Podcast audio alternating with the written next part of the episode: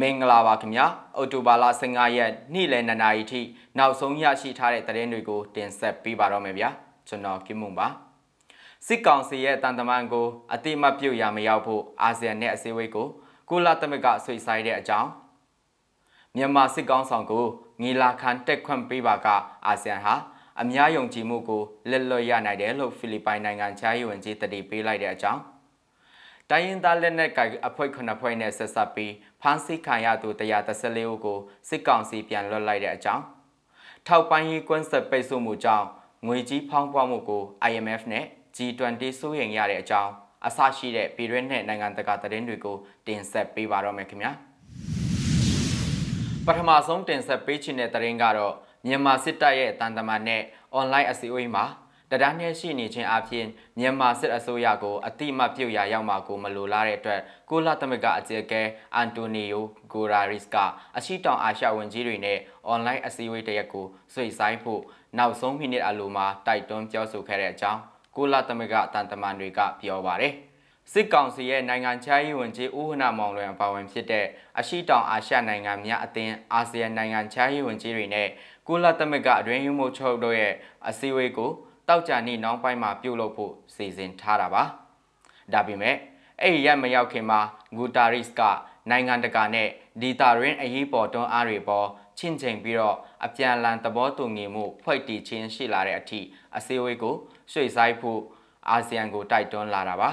အပြန်အလှန်သဘောတူညီမှုဖော်ဆောင်နိုင်ရေးမှာအာဆီယံအဖွဲ့ဝင်တွေမှာ နှောင့်နှေးနေတယ်လို့အာဆီယံဥက္ကဋ္ဌဘရူနိုင်းနိုင်ငံရဲ့အော်တိုဘာလရှိရက်မှတ်ချက်ပြုစာကိုရိုက်တာသတင်းကမြင်တွေ့ထားပါတယ်။ကုလသမဂ္ဂရဲ့မြန်မာနိုင်ငံကိုစားပြုနေရမှာဘယ်သူကိုထားရှိမယ်ဆိုတာကိုကုလအဖွဲ့ဝင်နိုင်ငံတွေမဆုံးဖြတ်ရသေးခင်ဂူတာရစ်အနေနဲ့ဆုံးဖြတ်တယ်လို့ဖြစ်မှာကိုမလိုလားကြောင်းအမေမဖော်တဲ့ကုလသမဂ္ဂတန်တမန်တွေကပြောကြပါတယ်။ကုလသမဂ္ဂမြန်မာဆိုင်ရာကိုစားပြုနေရမှာ စစ်အစိုးရနဲ့အယက်သားအစိုးရခန့်အပ်တဲ့လက်ရှိကုလသမဂ္ဂတာအမတ်ကြီးဦးကျော်မိုးထွန်းကြားရှင်းပြအရေးဆိုထားတာပါ။စစ်တပ်ဟာဖေဖော်ဝါရီလကအာဏာသိမ်းလိုက်ပြီးတော့ဒေါ်အောင်ဆန်းစုကြည်နဲ့အခြားရွေးကောက်ခံအစိုးရကောင်းဆောင်တွေကိုဖမ်းဆီးထိန်းသိမ်းထားပါတယ်။ကုလသမဂ္ဂရဲ့အတိမတ်ပြုမှုဟာအစိုးရတရက်အတွက်အရေးသာစီမှာဖြစ်ပါတယ်။အာဆီယံနိုင်ငံခြားရေးဝန်ကြီးများကလာမယ့်ထိပ်သီးအစည်းအဝေးမှာစစ်အစိုးရအကြီးအကဲမင်းအောင်လှိုင်ကို ဖယ်ချန်ထားရေးတောက်ကြနေ့မှာတီးခြားဆွေးနွေးဖို့ရှိနေချိန်နဲ့သဘောတူထားတဲ့ငင်းချမ်းရေးလမ်းပြမိပုံကိုလိုက်နာစေဖို့အတွက်အာဏာသိမ်းစစ်အစိုးရကိုဖိအားများတိစောက်နေချိန်မှာဂူတာရစ်အနေနဲ့စစ်အာဏာသိမ်းအစိုးရတန်တမန်နဲ့အစည်းအဝေးတစ်ခုထဲမှာရှိရမှာကိုတွန့်ဆုတ်နေပုံရှိနေပါတယ်။အပလတွင်မှာဘုံသဘောတူညီချက်9ရက်ကိုမင်းအွန်လိုင်းနဲ့အာဆီယံတို့သဘောတူညီခဲ့ကြပြီးမဲ့လဲအာဆီယံအဖွဲ့ဝင်နိုင်ငံအချို့ကစစ်ကောင်စီကအဲ့ဒီဘုံသဘောတူညီချက်ကို အကောင်အထည်ဖော်ဖို့ပြက်ကွက်တယ်လို့ဝေဖန်ကြပါတယ်။စစ်ကောင်စီဟာဘရိုနိုင်းဒုတိယနိုင်ငံခြားရေးဝန်ကြီးဖြစ်တဲ့အာဆီယံဒေတာရင်းတန်တမန်အာရီဝန်ဆိုရက်ကိုဒေါ်အောင်ဆန်းစုကြည်နဲ့တွေ့ဆုံခွင့်လဲမပြုခဲ့ပါဘူး။အတွင်းရေးမှူးချုပ်ဂူတာရစ်ဟာအာဆီယံဝန်ကြီးတွေနဲ့တွေ့ဆုံမှုကိုဆွေးဆိုင်ဖို့မေတ္တာရက်ခံခဲ့ကြောင်းတောက်ကြနေ့နောက်ပိုင်းမှာကုလသမဂ္ဂပြောခွင့်ရသူစတီဗန်ဒိုရာရစ်ကသတင်းထောက်တွေကိုပြောပေမဲ့ဂူတာရစ်ဟာ ဘာအတွက်ဆွေးဆိုင်တယ်ဆိုတာကိုတော့ရှင်းပြမထားပါဘူး။မြန်မာနိုင်ငံကိုစားပြုတ်သူအသေးမှပြိုရင်းနဲ့ပတ်သက်ပြီးရုရှားတရုတ်နဲ့အမေရိကန်တို့ပါဝင်မဲ့ကုလသမဂ္ဂကော်မတီတရက်ကလာမယ့်လမှာစီဝေးဆုံးဖြတ်မှာဖြစ်ပြီးအဲ့ဒီမတိုင်ခင်ထိဦးကျော်မိုးထွန်းကကုလသမဂ္ဂမြန်မာကိုစားပြုတ်သူအဖြစ်ရှိအောင်မှာဖြစ်ပါတယ်။နောက်ထပ်တင်ဆက်ပေးချင်တဲ့သတင်းကတော့မြောက်ပိုင်းညီနောင်မဟာမိတ်တပ်ဖွဲ့အပါအဝင်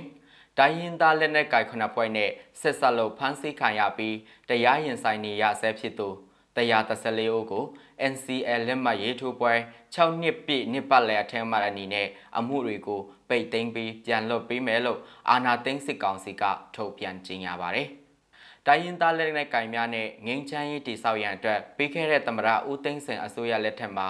အကောင်အထည်ပေါ်ဆောင်ရွက်ခဲ့တယ်။တနိုင်ငံလုံးပြစ်ခတ်မှု ရက်စဲရေးသဘောတူညီစာချုပ် NCL လက်မှတ်ရေးထိုးခြင်းဟာဒီနေ့အောက်တိုဘာလ15ရက်နေ့မှာ6နှစ်ပြည့်ပါတယ်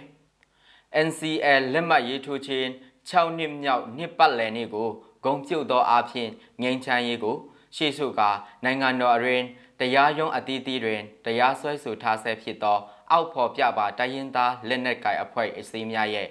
အဖွဲ့ဝင်များနဲ့ဆက်ဆက်ပါဝင်သူ134ဦးတို့အား အမှုမှပိတ်သိမ်းရန်ဆိုပြီးစစ်ကောင်စီရဲ့ထုတ်ပြန်ချက်မှာဖော်ပြထားပါတယ်။အခုပြန်လွတ်ပေးရမှာရခိုင်တပ်တော်နဲ့ဆက်ဆက်ပြီးဖမ်းဆီးခံရသူ62ဦးကချင်လွတ်မြောက်ရေးတပ်မတော်နဲ့ဆက်ဆက်သူ23ဦး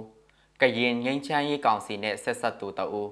မြန်မာအမျိုးသားဒီမိုကရက်တစ်မဟာမိတ်တပ်မတော်နဲ့ဆက်ဆက်သူ2ဦးရှမ်းပြည်ပြန်လည်ထူထောင်ရေးကောင်စီနဲ့ဆက်ဆက်သူ12ဦးရှမ်းပြည်တိုးတက်ရေးပါတီ ရှမ်းပြည်နယ်တပ်မတော်နဲ့ဆက်ဆက်သူ9ဦးနဲ့တအောင်းအမျိုးသားလွတ်မြောက်ရေးတပ်မတော်နဲ့ဆက်ဆက်သူ17ဦးတို့ဖြစ်ပါတယ်။အဲ့ဒီတိုင်းရင်သားလက်နက်ကိုင်အဖွဲ့အစည်းတွေနဲ့ဆက်ဆက်ပါဝင်သူအပေါ်ဆွဲဆိုထားတဲ့ပြည်မှုဆိုင်ရာ အမှုအလုံးကိုပိတ်သိမ်းပြီးတရားခံတွေကို အမှုကနေလွှဲရမယ်လို့စစ်ကောင်စီရဲ့ထုတ်ပြန်ချက်မှာဖော်ပြထားတာပါ။အာနာသိန်းစစ်ကောင်စီတပ်ကတိုင်းရင်းသားဒေသနယ်မြေများတွင်စစ်စင်ရေးများပြုတ်လုပ်နေတဲ့အချိန်မှာဒေသခံတွေကို အဲ့ဒီဒေသတွင်မှာရှိတဲ့လက်နက်ကိုက်တော်လိုင်းရင်အဖွဲ့အစည်းတွေနဲ့ဆက်ဆက်တယ်လို့ဆိုပြီးဖမ်းဆီးနှိပ်စက်တရားစွဲဆိုလေးရှိပါတယ်။ဆက်လက်တင်ဆက်ပေးခြင်းတဲ့တရင်ကတော့အရှိတောင်အာရှနိုင်ငံများအသင်းအာဆီယံအနေနဲ့ယခုလထဲမှာအွန်လိုင်းကနေကျင်းပမဲ့အာဆီယံထိပ်သီးတွေ့ဆုံပွဲမှာမြန်မာအာဏာသိမ်းစစ်ကောင်းဆောင်ကိုတက်ခွင့်ပြုလိုက်ပါကအဖွဲ့ပေါ်အများလက်ခံယုံကြည်မှုကိုလက်လွတ်ရှုံးရှုံးသွားရလိမ့်မယ်ဖြစ်ကြောင်း ဖိလစ်ပိုင်နိုင်ငံခြားရေးဝန်ကြီးဒီယိုရိုဒိုရော့ဆင်ကအောက်တိုဘာ14ရက်နေ့မှာတတိပြီးစကားဆိုခဲ့ပါတယ်။ကျွန်တော်တို့မြန်မာကိုဆက်ပြီးတော့ခတ်တန်းတန်းဆက်ဆံနိုင်ပါတယ်။ဒါပေမဲ့တကယ်လို့ကျွန်တော်တို့တနည်းနည်းနဲ့အလျှော့ပေးလိုက်ရောပေးလိုက်မယ်ဆိုရင်စစ်မှန်တဲ့ဒေတာဆိုင်ရာအဖွဲ့အစည်းတစ်ခုဖြစ်ကျွန်တော်တို့ရဲ့နာမည်အစင်တန်းနဲ့အများလက်ခံယုံကြည်မှုဟာပျောက်ကွယ်သွားပါလိမ့်မယ်လို့လုတ်စင်ကဩစတြေးလျတင်းတင်းနိုင်ငံရေးစီးပွားရေးလူမှုရေးအကြံပေးဖွဲ့ Lorry Institute ကကမကထပြုလုပ်တဲ့ Zoom အခမ်းအနားတစ်ခုမှာပြောကြားခဲ့ပါတယ်။အော်တိုဘာလ26ရက်ကနေ28ရက်နေ့အထိကျင်းပမဲ့အာဆီယံညီလာခံကနေဘူချုပ်မူကြီးမင်းအွန်လိုင်းကိုခြံလက်ထားမိလားဆိုတာနဲ့ပတ်သက်ပြီးအော်တိုဘာလ15ရက်နေ့မှာလုတ်စင်အပါဝင်အာဆီယံနိုင်ငံခြားရေးဝန်ကြီးတွေရဲ့ဆွေးနွေးပွဲမတိုင်မီအဆိုပါဖိလစ်ပိုင်နိုင်ငံခြားရေးဝန်ကြီးရဲ့မှတ်ချက်စကားထွက်ပေါ်လာခဲ့တာပါအဲ့မတိုင်ခင်ကလည်း မြန်မာအာဏာသိမ်းကောင်းဆောင်ကိုထိပ်သီးတွေ့ဆုံပွဲမှာမဖိတ်ကြားရဲ့အတွက်အာဆီယံဖွဲ့ဝင်နိုင်ငံချို့ကဆွေးနွေးမှုတွေရှိခဲ့ကြောင်းမြန်မာဆိုင်ရာအာဆီယံအထူးကိုယ်စားလှယ်အာရီဝမ်ဇူဆပ်ကပြီးခဲ့တဲ့အပတ်ကရိုက်တာကိုပြောခဲ့ပါသေးတယ်။မလေးရှား၊စင်ကာပူနဲ့အင်ဒိုနီးရှားနိုင်ငံတို့ကမင်းအွန်လိုင်းကိုငီလာခံကနေဖယ်ထုတ်ရေးကိုထောက်ခံကြကြောင်းဒါပေမဲ့အာရှနိုင်ငံ၉နိုင်ငံအကြားအများသဘောတူဆန္ဒတစ်ခုထွက်ပေါ်စေရေးအတွက် တိုက်တွန်းလှုပ်ဆောင်နေခဲ့ကြောင်းတည်င်းရင်းမြစ်တွေကိုကိုးကားပြီးရိုက်တာကအောက်တိုဘာလ14ရက်နေ့မှာဖော်ပြထားပါတယ်။လုတ်ဆန်ကမြန်မာစစ်ကောင်းဆောင်ကိုရှေ့လာမဲ့ထိပ်သီးအစည်းအဝေးတွေကနေလဲခြံလက်ထားရေးကိုထောက်ခံကြောင်းထုတ်ဖော်ခဲ့တယ်လို့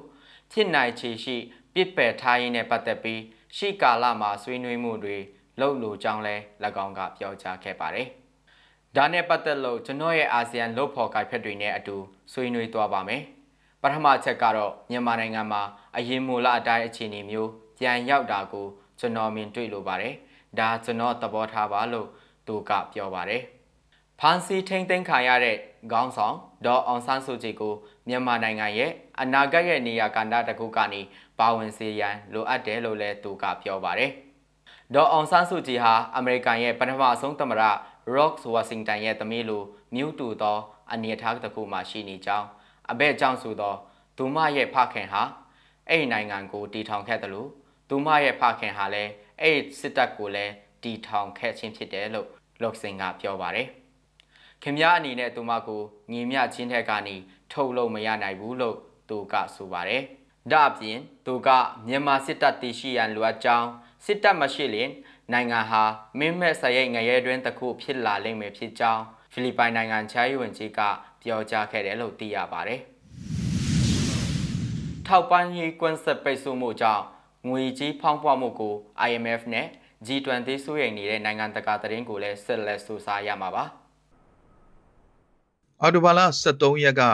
ဝါရှင်တန်မှာစုယုံရောက်ရှိလာတဲ့ကမ္ဘာလုံးဆိုင်ရာဗန္ဒာရေးအရာရှိတွေဟာ ကုန်စည်နှုန်းမြင့်တက်မှုစီကိုတွန်းပို့နေတဲ့စီးပွားရေးထောက်ပံ့မှုခွင့်ဆက်ပိတ်ဆို့မှုတွေကိုတက်တာစေရေးနဲ့စီးပွားရေးပြန်လည်နလန်ထလာမှုပြက်ပြားခြင်းကိုကုစားနိုင်ရေးအတွက်နီလန်းရှာဖွေဖို့အဓိကထားဆွေးနွေးခဲ့ကြပါတယ်။ဝယ်လိုအားမြင့်တက်လာတာနဲ့အမျှကုန်ပစ္စည်းပေးသွင်းသူတွေကအမီမလိုက်ခဲ့ကြပဲကုန်ပစ္စည်းတွေတင်ဖို့စောင့်ဆိုင်းနေတဲ့သင်္ဘောတွေဟာ American စစ်ကမ်းတွေမှာတန်းစီနေကြရပါတယ်။ စက်တင်ဘာလအတွင်းမှာ American ရဲ့ငွေကြေးဖောင်းပွားမှုဆက်လက်မြင့်တက်နေခဲ့သလိုရေနံဈေးနှုန်းဟာလည်းယခုနှစ်အတွင်းမှာအမြင့်ဆုံးအဖြစ်တစ်လုံးကိုဒေါ်လာ80ကျော်အထိခုန်တက်သွားခဲ့ပါတယ်။အလားတူပြည်တိုင်မှာလည်းမိသားစုတွေဟာခရစ်စမတ်ညစာစားပွဲကိုကြက်စင်မပါဘဲကျင်းပရမလို့ဖြစ်နေပါတယ်။ကမ္ဘာလုံးဆိုင်ရာထောက်ပံ့ရေးစင်ခေါ်မှုတွေဟာအပြည်ပြည်ဆိုင်ရာငွေကြေးရန်ပုံငွေအဖွဲ့နဲ့အစည်းမြင့်စီးပွားရေး G20 အုပ်စုအပြင် G7 နိုင်ငံတွေရဲ့ ဗန္ဒာရေးဝန်ကြီးတွေစုပေါင်းပြီးအဓိကထားဆွေးနွေးရမယ့်အကြောင်းအရာဖြစ်လာပါတယ်။ကုဆက်ယောဂကန့်သက်ချက်ကြောင့်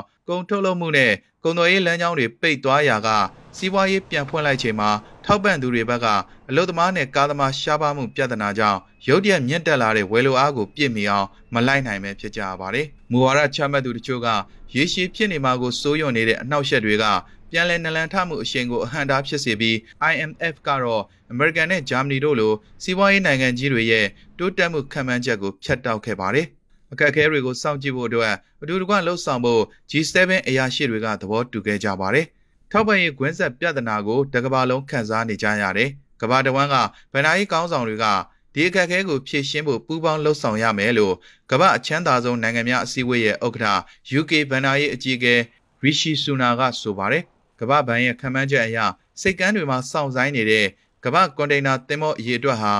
January လကထက်နှစ်ဆပိုများလာတယ်လို့ဆိုပါတယ်။မြစည်းမရဲ့အော်တိုဘာလ15ရက်နေ့လယ်2နာရီထိနောက်ဆုံးရရှိထားတဲ့သတင်းတွေကိုတင်ဆက်ပေးခဲ့တာပါမြန်မာပြည်သူပြည်သားအလုံးစိတ်ရိတ်ချမ်းသာခြင်းကိုယ်ရိတ်ချမ်းသာခြင်းနဲ့ပြည့်စုံကြပါစေခင်ဗျာ။